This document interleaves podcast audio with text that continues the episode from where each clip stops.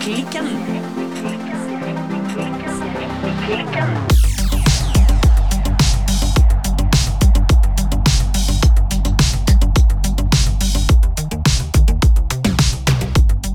Hallo, Silje. Hei, Birte. Silje, Ja? jeg er veldig spent på å høre hva du strikker på i dag. Jeg strikker ikke. Jeg har Nei. sluttet å strikke. Nei! Jeg har eh, fått meg en ny hobby. Ja, Rekke opp ting.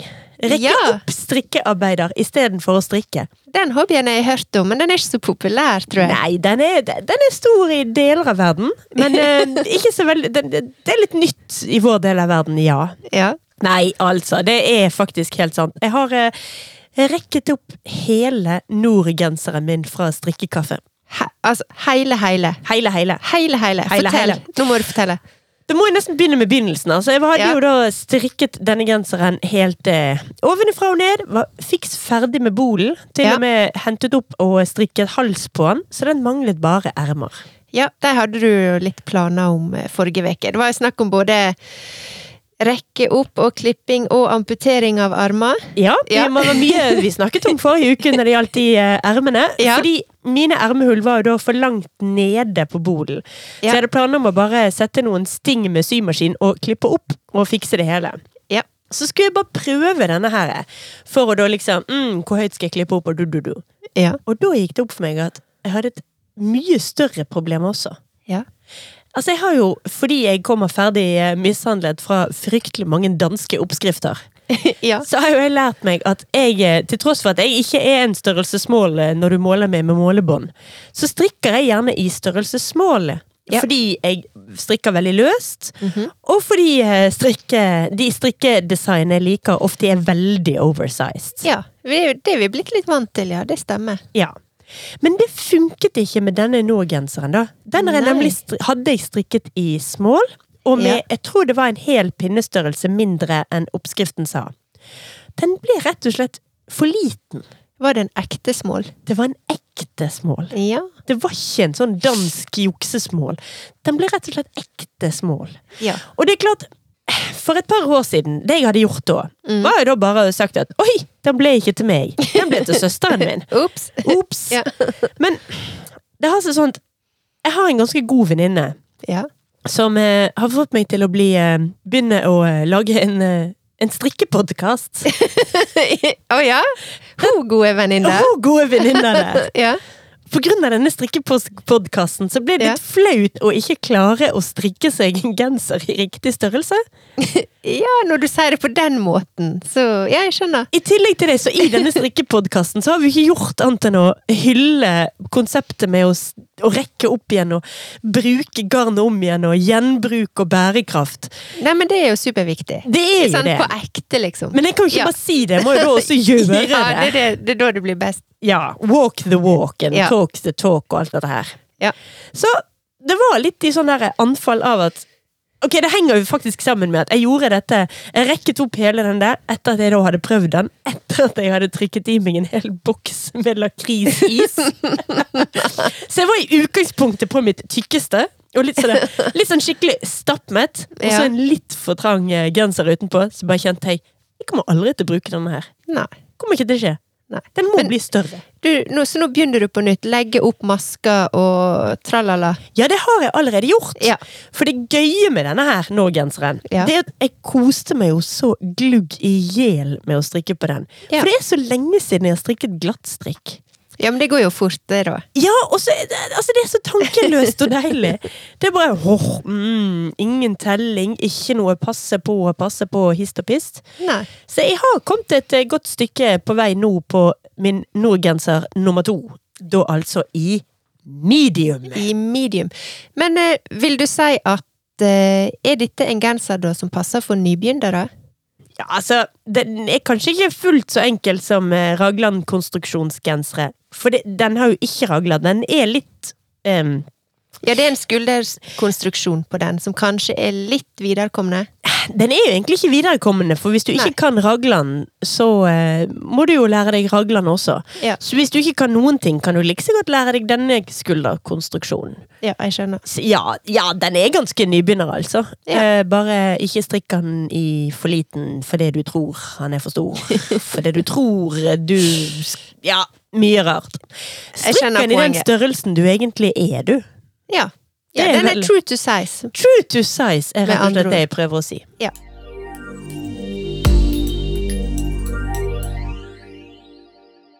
Men det var mitt lille Noreg-sweater-epos. Ja. Jeg gleder meg til å se. Ja, altså, vi får jo se det, hvor mange ganger jeg klarer å rekke den opp og absolutt ikke måle meg sjøl. Bare strikke, prøve på Nei, skulle vært litt større. Strikke, prøve på Nei, skulle vært litt mindre. Bruk aldri målebånd. Nei. Men du, Birtus. Ja. Hvordan går det med støvet elg-genseren? Det går litt framover. Eh, og det er ikke fordi at jeg har strikka så sinnssykt mye. Nei, han har bare Men- begynt å vokse av seg sjøl? Tja, ikke helt. Men der jeg trodde jeg hadde sju omganger Omganger? Det var vel omganger igjen til bolen. Så ja, for meg og mitt tempo så er nå det en del. Eh, Men så viste det seg at det var bare én omgang igjen. Jeg leste dobbel X-oppskrifta i stedet for eh, XL-oppskrifta. Det kan jo skje, men så nå plutselig Det var liksom én omgang down, og så brum, brum eh, motorvei ned Så på du- bolen. Du er på motorveien? Jeg er kommet på motorveien, aka Bolen. Yes, Men jeg er ikke kommet så veldig mye lenger enn det. Men det er faktisk perfekt eh, for meg nå, fordi jeg skal faktisk på jobbreise. Oh la la. Eller jeg er vel på jobbreise når akkurat denne episoden kommer ut. Da skal, er jeg i Paris, eh, og da har jeg perfekt eh, reisestrikk. Ja. Ja. Ingen telling, ingen notering av omganger, ingen studering av oppskrifter. Det er liksom bare å ta opp strikketøyet, og så strikke litt her og strikke litt der. Så du skal strikke på flyet og på båt og på Ja, da ser jeg fram til å, å strikke litt eh, Strikke litt både her og der. Åh, det hørtes kjempedeilig ut. Men én ting som jeg har merka Jeg skal ikke mase for mye om disse her armene mine, men veit du hva som skjer når jeg strikker? Nei? Jeg får iskald høyrehånd. Oi! Sånn at hvis du hadde kjent på hendene mine nå, så er jeg bare iskald på høyrehånda, normal temperatur på venstrehånda. Det har jo alltid knepet og knåpet og skurra litt eh, når jeg har strikka, men det som har skjedd liksom siste månedene, for jeg har liksom brukt litt tid på å forstå og kjenne etter, det at eh, høyrehånda mi jeg tror blodsirkulasjonen bare stopper helt opp når jeg strikker. Det høres jo ikke bra ut i Så det er har hele gang. skikkelig problem. Ja, Ja. herregud. Men det er ikke så smertefullt, da. Det er bare mer litt sånn ubehagelig og litt rart. Og Det skal jo ikke være sånn. Nei, det skal jo ikke det. Men du snakka om en ny hobby, og eh, jeg fikk meg faktisk eh, en ny hobby for et par uker siden. Har du òg begynt å rekke opp alt mulig? Nei, jeg har ikke det. Det har jeg gjort mye, altså. Og jeg brukte jo mange, mange forsøk på denne her Ingen dikkedarer, selv om det er verdens enkleste genser, før jeg kom i gang. Men en ting som jeg gjorde, var at eh, du vet det fins sånne her eh, fargeleggingsbøker, eller for voksne. Ja, jeg har sett de. Ja, det har jeg gjort litt. Det var noe for deg. jeg syns det var kjempegøy, og skikkelig konsentrert. Og jeg syns bare det var så deilig å ja, bare sitte og jobbe med noe uten å få iskald høyrehånd, og uten å bli superlåke i skuldre og nakke. Så det var en fin ting å veksle litt med. Så ja, det var nå det var nå mitt eh, tips i dag. Kjøp deg en fargeleggingsbok, og eh, kanskje, jeg vet ikke, en varm hanske å ha på den ene hånden. Eller noe sånt. ja, noe sant.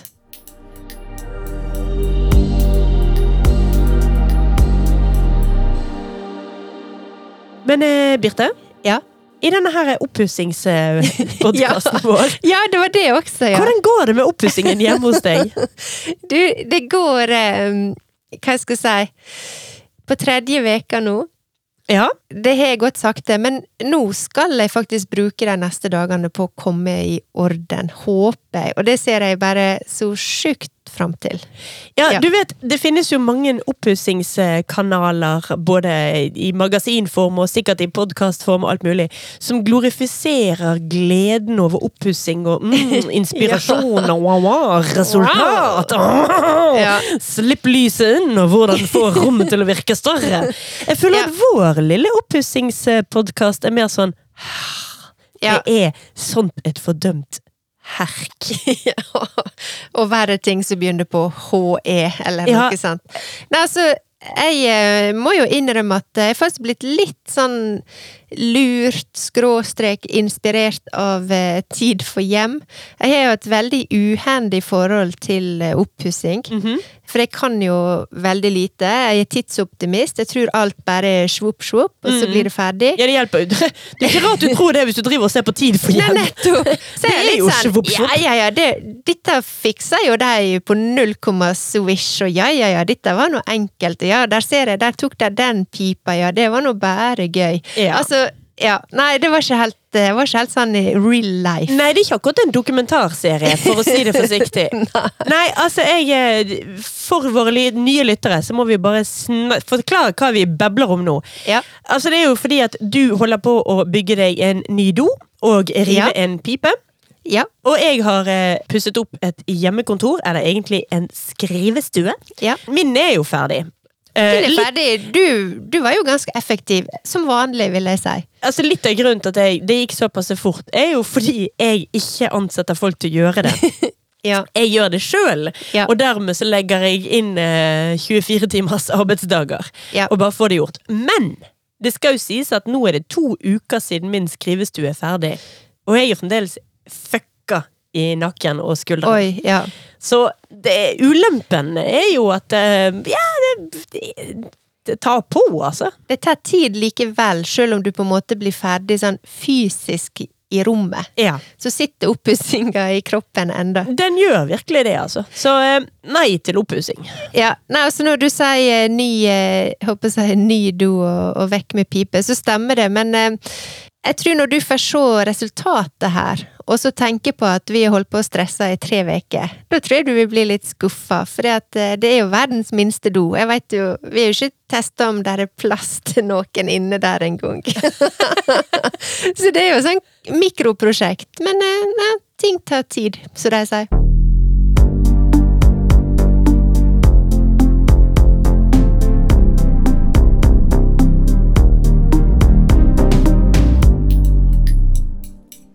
I dag, Silje, Ja. så tenkte vi at vi skulle snakke om strikkebøker. Ja. Fordi at eh, selv med Instagram, altså vi kaller vel det gjerne Instastrikk, Mhm. Ravelry, Ravelry Ravelry, ja. Det er vel sånn vi uttaler det, tenker jeg. ja. Og så videre. Så kan jo det faktisk virke som om at strikkebøker er mer populært enn noensinne. Det gis nå i hvert fall ut flere strikkebøker enn noensinne. De gis jo ut i et forrykende tempo. Ja, det kommer stadig nye bøker, og jeg har lurt litt på Kanskje henger det sammen med at eh, Eller det henger nok selvfølgelig sammen med at strikking har blitt så populært de siste åra. At markedet er blitt så stort, og kanskje etterspørselen for strikkebøker er stort for tida. Det er nok en sammenheng der.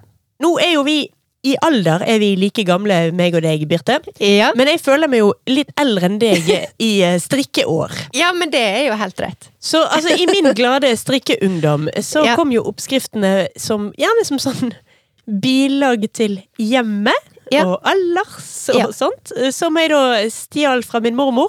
Som jo virkelig var den som ga meg strikkeoppskrifter. Eller også bare lærte meg å strikke uten oppskrift. Ja.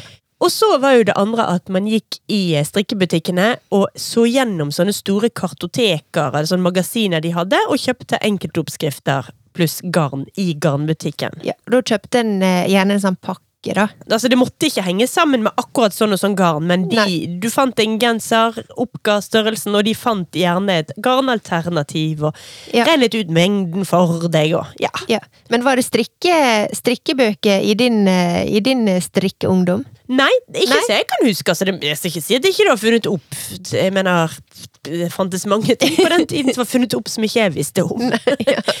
Men jeg forholdt meg i hvert fall ikke til strikkebøker da. Nei.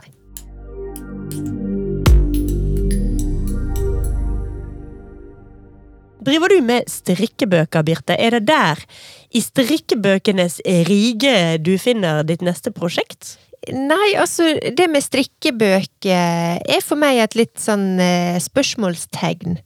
Og det har jo litt med, litt med ehm, at du får så mye inspirasjon og informasjon på internett sånn som det er i dag. Og det var jo der eh, på en måte mi ja, du kan si, Det var faktisk ikke der min strikkeinteresse begynte, for det kom gjennom et blad. Det var Ja. jo denne her artikkelen, eller det her Eurowoman-bladet som jeg har snakka om eh, flere ganger. Mm. Men det igjen, det gjorde jo til at jeg begynte å følge ulike strikkekontoer på Instagram, at jeg fikk det inn i feeden.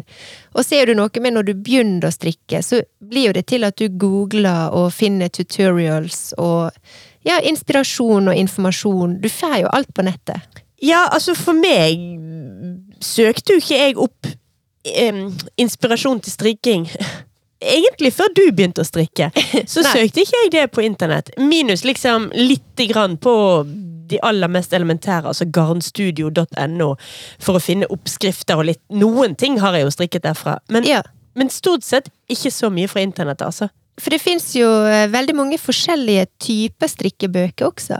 Ja, altså du har jo historiske bøker, altså de som eh, snakker om strikking i et kulturhistorisk perspektiv. Mm. Du har eh, nisjebøker som kan ta for seg ja, for eksempel tema som koftestrikk og koftearv. Og kanskje er en blanding av både kulturhistorie og eh, oppskrifter. Ja. Og så vet jeg at det er ei bok som du er veldig glad i, som jeg tror du har lest ganske mye i, og det er jo denne boka om norsk strikkehistorie. Ja, altså den er jo litt sånn min bibel. Ja, sant? Sant? For den tar strikking på dypeste alvor kulturhistorisk, og i dag, og eh, egentlig fra et feministisk perspektiv. Ja. Og er jo veldig mye ut av ja, altså Den tar opp veldig mange av de tingene som jeg føler at vi gjør i strikkeklikken. Ja. Vi har jo nevnt denne boken mange ganger. Den er jo da skrevet av eh, Ingunn Grimstad Klepp og eh, Tone Skårdal Tobiassen. Tone Skårdal Tobiassen. Ja. Ja. Eh, Så den boken kommer jo jeg støtt og stadig tilbake til. ja. Men det er jo ganske naturlig. Men så har jo du også andre bøker som er for eksempel for mer eh, nybegynnere. Ja. Og som tar for seg mer eh, strikketeknikker, strikkeutstyr, strikkefasthet. Mm. Altså rett og slett masse tips eh, og triks for de som er helt ny i strikking, eller som har lyst til å begynne å strikke. Mm. Og dette er jo bøker som, som nesten er mer som et slags eh, oppslagsverk, eller eh, som et slags strikkeleksikon, føles det ut. ja.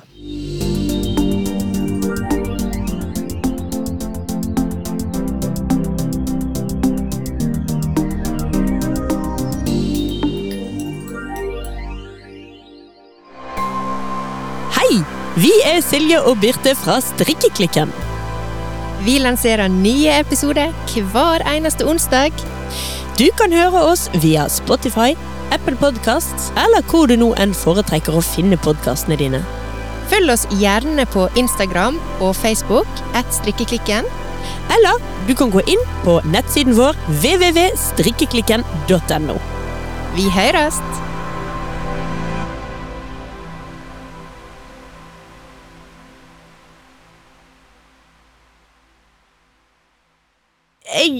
Er jo usedvanlig glad i bøker, og kjøper mye bøker, bruker mye bøker, og jobber jo også nå med både bøker og tidsskrifter. Ja. Dette er jo litt min, min verden, min hverdag. Ja. Der du driver med og ser på moderne dans, der sitter jeg og diller rundt i eh, tekstens verden for tiden. Ja. Men akkurat strikkebøker, det er jeg ikke så opphengt i, for å være helt ærlig. Nei. Jeg syns strikkebøker har en veldig viktig funksjon som eh, kilde til inspirasjon for, eh, for mange. Ja. Men akkurat for meg så er ikke det i bøker jeg finner inspirasjon til mine neste prosjekter. Ja, altså i utgangspunktet så eh, kan jo jeg lett være litt sånn tøff og si at eh, det føles som et litt sånn bonusprodukt, altså strikkebøker. Eh, all den tid eh, for eksempel strikkeinsta blomstrer så voldsomt som det gjør for tida. Og jeg tenker også litt sånn, trenger vi å trykke opp bøker sånn i forhold til bærekraft og miljø, for eksempel? Det skal jo produseres, det skal sendes og transporteres. Så er jeg også litt sånn, er det nødvendig? På den andre sida så er jo det også noe sånn varende med bøker. Eh, og det er jo noe som strengt tatt Det er jo ganske slow, går det an å si det? Det går an å si. Og som et generelt svar om vi trenger det trykte mediet, så vil jo jeg sette meg ned, eller egentlig aller helst reise meg opp og brøle ja, ja og atter ja, vi Ja. trenger det fysiske trykte formatet. Mm. Jeg elsker bøker, og jeg elsker trykte tidsskrifter. For meg er det noe helt annet å lese ting som jeg holder i hendene, enn å lese ting på skjerm. Så der, det generelle svaret mitt der er ja visst trenger vi bøker, og dermed også strikkebøker. Absolutt, men jeg syns også når det gjelder strikkebøker, for eksempel, så stiller det også litt krav til innholdet. Det gjør det. Dersom hoveddelen, altså hvis dette er sånn oppskriftsbok, så tenker jo jeg at det bør være litt sånn tidløse klassikere som er meint å vare. Eh, og ikke bare ei bok med masse oppskrifter som etter kort tid kan føles utdatert, og som du da bare finner på, på Fretex eh, etter ei lita stund. stund. men så det, for meg handler det også litt om um, innholdet, men altså en type sånn strikkeleksikon eller oppslagsverk, den vil jo alltid være aktuell, og som du vil bare bruke og ta fram igjen og igjen. Ja, jeg har ganske mange strikkebøker. Faktisk veldig mange. Ja. Men det skal, det skal jo sies at de er egentlig ikke mine. Nesten noen av de. Jeg har et lite, lite utvalg sjøl. Ja. Men så fikk jeg to enorme stabler av min søster. Ja. Som hun, eh, hun har da begynt og sluttet å strikke flere ganger. Og hver gang hun slutter å strikke, så får jeg et liksom sånn enormt lager med garn og ting. Hun, hun har det med å gjøre ting litt voldsomt når hun først gjør det.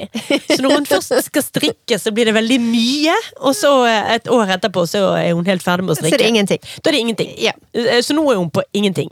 Så jeg har et enormt, eh, enormt stabel med strikkebøker fra hun, da. Ja. Og det hender jo at jeg sitter og ser i de og blar i de, men det er forholdsvis sjeldent at noen av disse appellerer veldig til meg. Men selvfølgelig, noen strikkebøker eh, er det jo som eh, snakker også til meg. Ja. Altså for min del, når jeg hadde strikka i nesten ett år, så kjøpte jeg min første strikkebok. Og hvilken Eh, var det? Det var nemlig den som heter Strikk av Charlotte Kåe og Lene Holm Samsø. Den er i utgangspunktet dansk. Strikk. Ja, så den heter Strik. egentlig ikke strikk, nei, den heter Nei. strik. Men men er oversatt til norsk, og jeg kjøpte jo da den norske versjonen. Ja. Em, og dette er jo en sånn bok som jeg vil kategorisere som et slags sånn oppslagsverk eller eh, strikkeleksikon. Mm. Og det var jo derfor jeg kjøpte den også. Jeg hadde liksom lyst å ha eh, hva skal jeg si, handfaste, gode kilder på Altså, jeg ville ha ulike typer teknikker lett tilgjengelig mellom to permer som jeg bare kunne sitte og bla i og, og kose meg med, uten å måtte sitte på telefonen eller datamaskinen. Mm. Men her får du grundig innføring i teknikker, det beskriver ulike mønsterstrikk. Alt er forklart med sånn trinn for trinn tegninger. Det er fine bilder, det er oversiktlig og lettfattelig tekst. I det hele tatt er det veldig sånn inspirerende og fin bok eh, å kikke i og sitte og bla i. Og som jeg sa, på dansk heter denne boka Strik, og det fins jo ei anna dansk bok som heter det samme. Ja, Nemlig Strik Nei, kan du si det på dansk, Silje? altså jeg kan jo ikke det. Men jeg kan jo snakke like godt dansk som jeg kan snakke fransk og alle andre ting Ja, jeg snakker i denne podkasten. Så hvorfor ikke? Strig, Strik! yeah, det er vi Em, Stryk. Vi Strik! forstår hinanden. Men strikk Ja, nå sier jeg det på norsk. Strikk av lerkebagger. Ja, selvfølgelig. Ja. Den, den heter også det. Ja, Det har jeg ikke tenkt på engang, at den faktisk også bare heter strikk, ja. ja, det heter den. Men det er jo et helt annet univers, og en helt annen type bok enn denne her eh, av Charlotte Kaae og Lene Holm Jeg har rett og slett ikke falt meg inn at de to bøkene har helt identisk tittel, men når du sier det, så ja visst. Så da tenker jeg at vi nesten må beskrive de sånn som de ser ut, da. For Strig av Lerkebagger er jo Mm. sjokkrosa med og veldig intens både i fargene utenpå boken, og den er en fargefest når du åpner, og veldig ja, sterk og litt sånn punkaktig i sin eh, utforming. Altså, lerkebagger er jo Den er jo veldig personlig. Ja. Du åpner jo på en måte ei bok eh, eller et vindu inn til Lerkebagger sitt univers. Mm. Mens den andre boken vi snakker om her, som da altså også heter Strig Hvem var du sa den var av? Charlotte Kaae og Lene Holm Samsø. Ja. Den er jo i utseende mye mer sober og tidløs og eh, ja Tradisjonell og klassisk.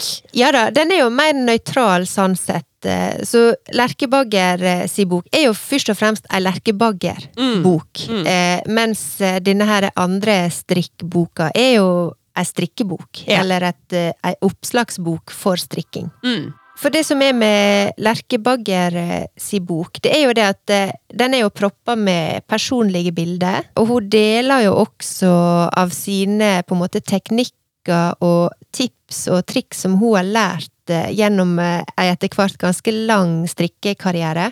Mm. I tillegg så har jo Lerkebagger si bok også veldig mange oppskrifter. Og det har jo hun tidligere ikke gitt ut. Nei, så hos hun så har det jo en veldig sånn Ja, altså boken er viktig hvis du skal inn i eh, Lerkebagger sitt univers og strikke de tingene. Mm. Altså, Lerkebagger sin design er mer en holdning enn egentlig en sånn slavisk oppskrift. Det er Ja. Man tager hva man haver, og allting passer egentlig i hop hvis du lukker det ene øyet og uh, står på hodet. Det å følge en Lerkebagger-oppskrift har jo jeg sagt før at jeg syns er litt rart. Ja. Og samtidig så skjønner jeg at det kan være vanskelig å skulle strikke noe i den stilen hvis man ikke er vant til å strikke. Der er jo Jeg føler jo at der er på en måte Altså den stilen og kanskje til og med kan du si eh, teknikker som jeg føler hun har utvikla, rett og slett. Og som denne boka gir, eh, gir et ganske godt eh, innblikk i, da.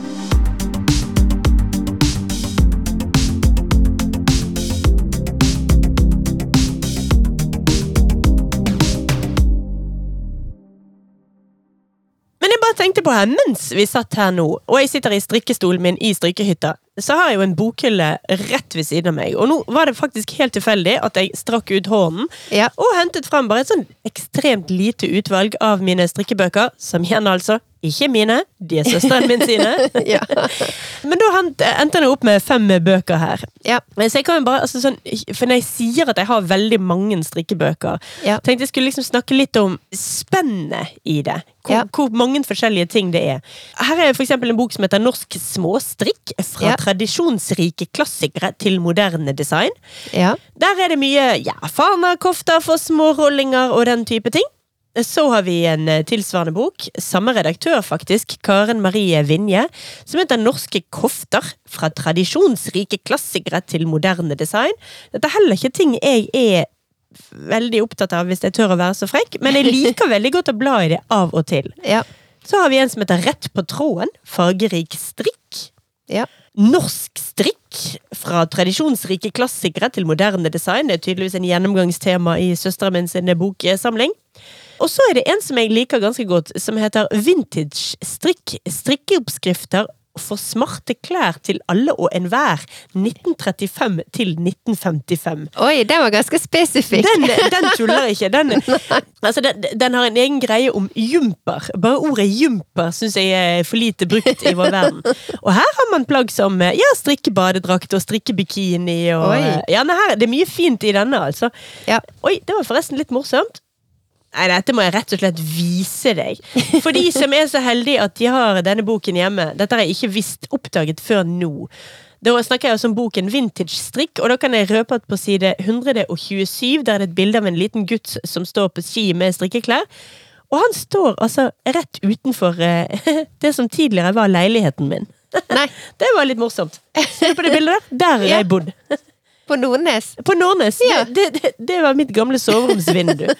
Så det var litt morsomt at uh, min gamle leilighet var med i den boken der. Det er jo som vi sa, markedet for eh, strikkebøker er tydeligvis eh, sterkt, og muligens veksende med alle som har begynt å strikke siste tida. Ja. Og det jeg skal si nå, det må jeg nesten si merka reklame eller gave. ja. For vi har fått tilsendt ei bok eh, som er Knitting for Olive sin nye strikkebok. Ja, for vi Ja. er jo blitt tatt på alvor som strikkeinfluensere. Ja. Og har rett og slett fått tilsendt en bok for at noen ville vi skulle snakke om den på strikkepodkasten. Ja, og det gjør Look at us going insta-famous! Ja, og det gjør vi nå, så derfor må vi bare si at uh, denne boka har vi fått i gave, Ja. for å være litt korrekt. Men uh, vi er jo veldig glad i Knitting for Olive. Det er jo en uh, garnleverandør.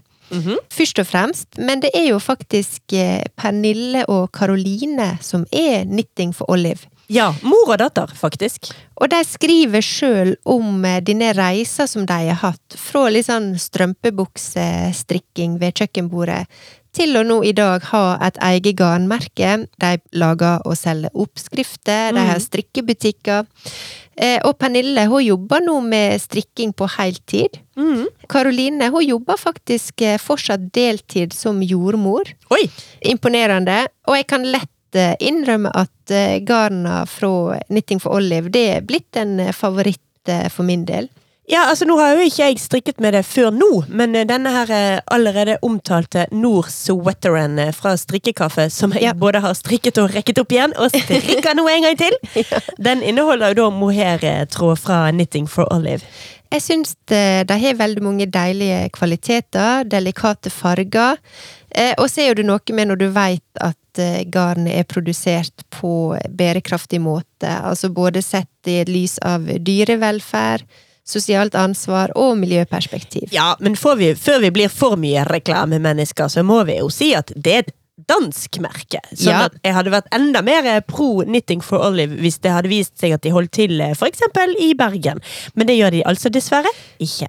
Det gjør de ikke. Men uh, i denne siste boka si i hvert fall, så uh, er det også veldig mange strikkeoppskrifter, og du kan finne faktisk 20 av dem i denne boka. Det er jo både for nybegynnere og mer røynde strikkere. Eh, Røynde. og her er både småprosjekt som eh, hue og skjerf, og selvfølgelig gensere og kardigans. Men har de balaklava? Ja, det tror jeg! Og da snakker vi altså om eh, boken Knitting for Olive. Klassiske og tidløse strikkeoppskrifter. Som vi Ja. altså har fått gratis tilsendt fra Gyldendal. Ja.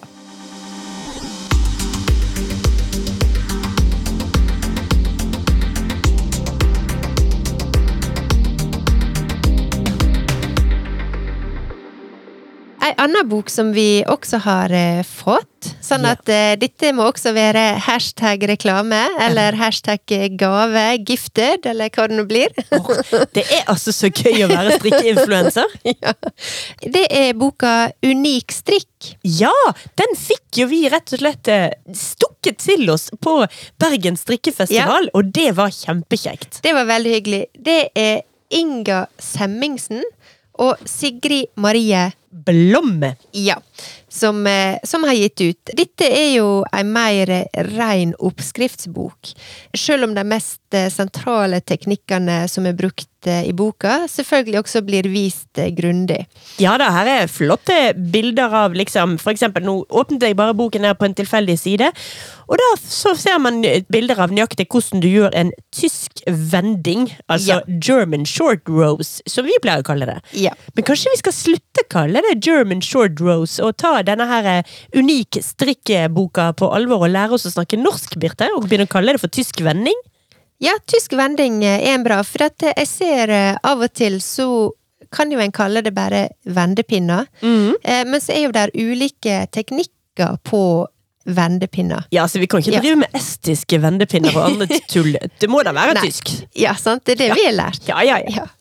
Men i tillegg til disse her tyske vendepinnene, som er mye kjekkere å si for øvrig enn German short rose, yep. så det, går det også gjennom for eksempel å klippe i strikketøyet, og de viser hvordan det kan gjøres. Mm. Det er jo noe som jeg personlig aldri har prøvd eller gjort, og jeg blir litt svimmel bare av å tenke på det. Det er, bare, Men, det er eh, ikke noe vanskeligere enn å klippe noe annet. altså. Du må bare da. sy litt eh, på forhånd, så det ikke rakner. Men det er noe helt sånn naturstridig å skulle liksom klippe opp et eh, strikketøy. Men Mm. der så nå jeg at det gikk an, og jeg så også hvordan det kunne gjøres. Mm. Her er ulike oppskrifter, men kanskje er boka mest for den eh, litt erfarne strikkeren. Det var i hvert fall inntrykket jeg satt igjen med. Men samtidig så er den også Den tar dette her som jeg snakket om, på alvor. Dette med at en strikkebok bør være flink til å inspirere. Ja. Den har en egen seksjon eller kapittel her som heter Lek med teknikker. Ja. Sånn, Som du ikke, poenget er at du ikke skal følge en oppskrift superduper eh, slavisk. Du skal kunne være litt grann friere og prøve ut forskjellige ting.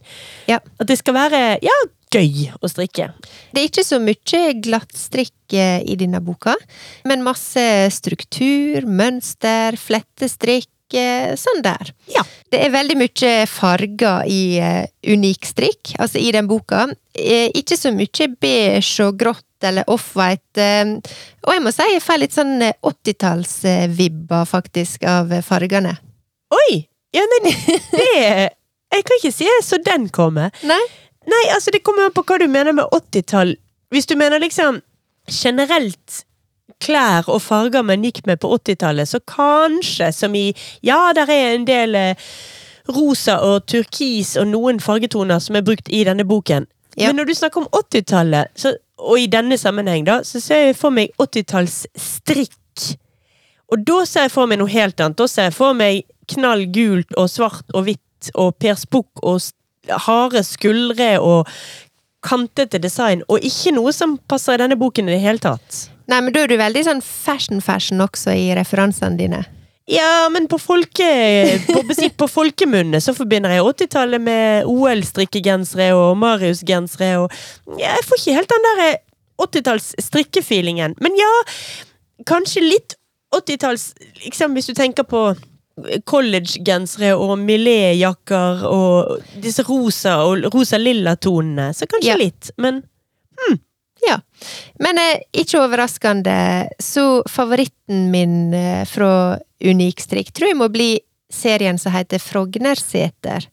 Og her er det flettestrikk, eller flettestruktur, mm. i, litt sånn, eh, i en litt sånn sval off-beige farge. Her fins det både hue og votter og hals og gensere i den serien, som du altså finner oppskrift på i boka Unik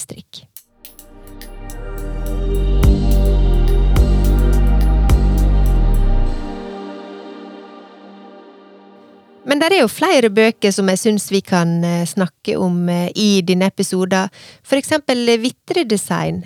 Hun Ja. ga jo ut en ei veldig fin bok som heter En strikkers år.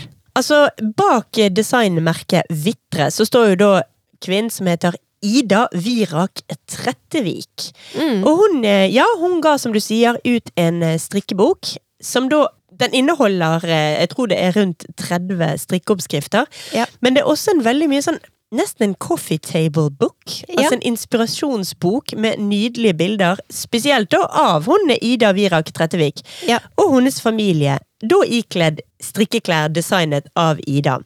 De flyttet fra Oslo til eh, Nordland, Engeløya i Nordland. Ja. Så det er veldig mye naturskjønne norske bilder. Mm. Og samtidig så er hun eh, Ida hun er veldig vakker. Hun, så hun, det er noe veldig sånn norskt og naturlig. Det er en helhetlig visuell eh, profil på hele prosjektet hennes, Ja. som også inngår i denne boken. Og grunnen til at den heter En strikkers år, er jo både fordi den tar for seg eh, ja, reisen denne lille familien foretok, og da i eh, hvordan naturen forandrer seg i løpet av et år, men selvfølgelig da også hvilke strikkeplagg man har på seg i løpet av de forskjellige årstidene i Norge. Ja, jeg syns jo det er et ekstremt fint eh, utgangspunkt eh, for ei bok, og det tematiske, eller liksom konseptet i boka, gjør jo at det føles litt mer enn bare ei vanlig strikkebok, hvis du kan si det på den måten. Ja, altså, det er jo litt vanskelig å snakke om en vanlig strikkebok. For hva er nå det? Ikke de, ikke de unike alle Ikke all, sammen? ja, alle både vanlige og uvanlige. Ja, det er noe der, liksom. Altså, det finnes jo så mange forskjellige strikkebøker at det er jo nesten noe for eh, alle og enhver. Ja. Men ja, den har i hvert fall sin egen unike stemme, også den boken, da, og sin egen unike profil. Ja.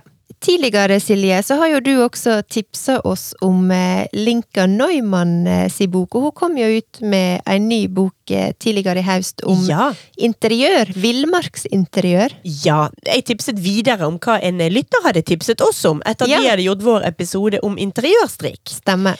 Men eh, Linka Neumann har jo laget flere bøker om strikking. Ja, for eh, Linka Neumann eh, har jo blitt veldig populær med disse her villmarksgenserne sine. Ja. Og hun har jo gitt ut eh, to bøker om villmarksgensere. Mm. Villmarksgensere vol 1 og villmarksgensere vol 2, Mm. som da inneholder mange flotte oppskrifter. Ja, altså, det er jo veldig mange av si, standardstrikkerne som gir ut bøker. Dorte Skappel har vel, jeg vet ikke 365 strikkebøker eh, under beltestedet snart. Såpass, ja. Noe i den duren der.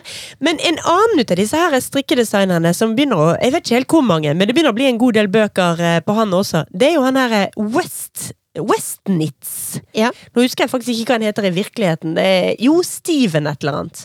Ja. Steven og eh, Penelope. Det er Ja. jo to eh, venner som eh, driver en strikkebutikk, dette her. Han har blant annet denne her eh, 52 Weeks of Shawls. Ja. For de som ikke kjenner til Westnitz, så er jo dette noe helt annet enn liksom eh, villmarksstrikk. Ligner ikke litt engang. Fra det ene til det andre. Fra, fra det ene til det andre. Nei, altså Westnitz er jo mye mer eh, Ja, hva skal man båssette den stilen som, da? Jeg tror jeg har beskrevet det tidligere at det er noe du burde kle på deg når du skal på eh, eksempel nattklubben eh, i Berlin. Ja, det er ikke så veldig tradisjonsstrikk, i alle fall. Nei, det er jo ikke det, og Nei. samtidig så er det strikk, og dermed så er det jo tradisjonsbundet uansett. Det kan du si. Det er, vi kan vel si at eh, det er strikk som kanskje passer mer i et eh, moderne bybilde heller enn på hytta foran peisen. i hvert fall utseendet som, som de eller han sjøl velger på bøkene. sant? Da står eh, her Steven West sjøl på coveret, gjerne med mye sminke, og surret inn i disse her fenomenale sjalene. For jeg virkelig, jeg elsker hans design. Men samtidig så kjenner jeg meg sjøl godt nok til å vite at jeg hadde ikke brukt et sånt sjal sjøl hvis jeg hadde strikket det til meg. Nei. Så jeg elsker sjalene hans, but they ain't for me. Uh, men um, det betyr jo ikke at ikke hvem som helst kan bruke disse sjalene. Så det jo, du må jo ikke gå med sminke og være herremann, selv om du skal bruke Steven West sine, sin design. Absolutt ikke.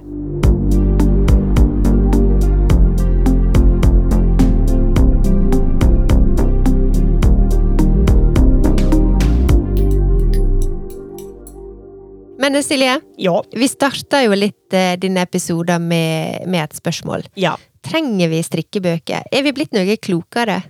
Altså Er vi blitt klokere i løpet av episoden, eller har vi blitt klokere av strikkebøker? Ja, kanskje begge deler. Ok, eh, For det første, selvfølgelig har vi blitt klokere i denne episoden. Vi blir alltid litt, litt og litt klokere. Ja. Og så klarer jo ikke jeg å slutte å si ja, vi trenger bøker. Vi trenger alltid bøker. Det Ja. fysiske formatet må alltid bestå. Ja. Vi erklærte en gang i tiden vinylens død, og eh, Ha-ha!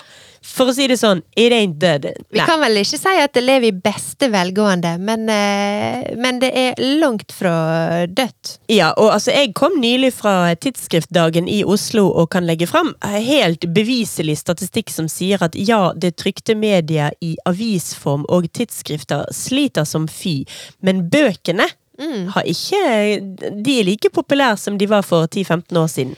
Ja, for jeg tror det er jo noe med bøker og formatet som gjør at internett kan liksom ikke erstatte det. Nei. All respekt til de som gidder å lese på Kindle og tablet, men jeg personlig liker en god taktil, håndfast, duftende bok mellom hendene. Det er jeg helt enig i. når det er sagt, Ja. så vil jeg også si at vi trenger ikke dårlige strikkebøker. Nei. Vi trenger ikke bøker trykket på dårlig papir og med, repetitive mønstre som vi kan finne på internett, alle sammen. Mm. Vi trenger ikke mer bare for å ha mer. Nei, sant. Men det er jo først og fremst denne her eh, inspirasjonsbiten som jeg tenker du kan få i ei bok, som kanskje ikke alltid er like enkel å, å få tak i på internett. Mm. Eh, I ei bok så kan jo du liksom boltre deg i flotte bilder, og sånn som du sier, flotte papirkvaliteter. Men all denne her praktiske, praktiske tinga trenger ikke om å trykke i ei bok, syns jeg, i dag.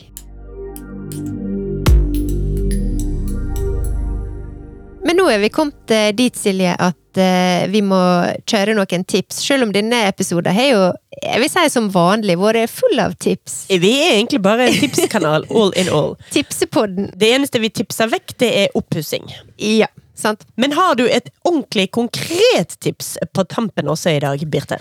Et ganske konkret eh, tips. Jeg er ganske glad i å gå på biblioteket. Ja. Der uh, låner jeg ganske masse bøker, og jeg prøver å drage med meg barna mine til å låne bøker der uh, regelmessig. Ja. Men eh, der har jo de store seksjoner. Nå snakker jeg for Bergen, da, altså Bergen, hovedbiblioteket i Bergen, som ligger i Bergen sentrum. Der har jo de oppe i andre etasje ganske store seksjoner med strikkebøker. Mm. Der er også bøker som handler om design, der er bøker som handler om sying, Mm. om brodering. Så jeg eh, vil egentlig bare tipse alle om å ta turen innom ditt næreste bibliotek, og så boltre deg i alle disse flotte strikkebøkene og andre typer håndarbeidsbøker som finnes der, og så se om du finner, finner en favoritt eller to. Har jeg fortalt deg historien om meg versus biblioteket? Nei? Nei, altså, jeg eh, tok ungene med på biblioteket, og vi leide en aldeles god stabel med bøker. Ja. Et par måneder senere begynte dette å bli litt dyrt i purregebyr. Ja, for det, det ble bokstavelig talt leie og ikke låning. Det ble verre. Så la jeg disse her bøkene i en stor stabel og tenkte dette skal jeg jammen få gjort i dag. Jeg skal få Ja. levert tilbake disse bøkene. Det er bare det at jeg skal gjøre 17 andre ting i dag også, først på to do-listen min. Ja. Og på denne to do-listen så sto det betale regninger. Så jeg dunket gjennom en enorm, aldeles absurd stabel med regninger. Og Ja. bare rump, rump, rump, rump. Blant annet en regning til Bergen kommune på nesten 5000 kroner. Så jeg bare tenkte ja ja, den må jo bare den òg. Og alle de andre regningene. Kjør på, kjør på. Ja. Så gikk jeg på biblioteket for å levere inn bøkene. Hvor på biblioteket bare øh, Nei, de øh, kan du ikke levere tilbake igjen. For de har du kjøpt. For de har du allerede erstattet. Å nei! Så da hadde jeg øh, betalt og kjøpt disse bøkene. Ufrivillig. Ufrivillig. ufrivillig. Uh, Og sånn- dritdyrt. Dritdyrt, ja. Og det var litt sånn Ja, jeg trenger jo ikke bøkene nå, da. Kan jeg i det minste donere de til dere? Ja da, det var greit, det. Så uh, jeg donerte 5000 kroner til biblioteket. Så det kan du tenke på neste gang du låner bøker fra eh, det offentlige biblioteket. Courtesy of me, vær så god. Det, noen eh, må støtte bibliotekene også, og det ble i dette tilfellet meg. Men du, du har fortsatt å låne eh, bøker på biblioteket, håper jeg, eller tok det bare helt eh, spiriten? Jeg tok litt lurven av Det tok litt Det satt en knekk i gleden. Men nei da, jeg, jeg går fremdeles på biblioteket. Helt klart.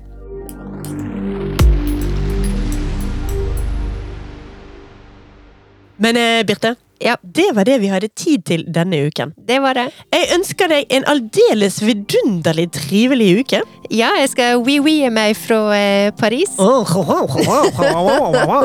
Da ønsker jeg også en god uke til alle lytterne våre. Ja. Vi høres igjen om en uke.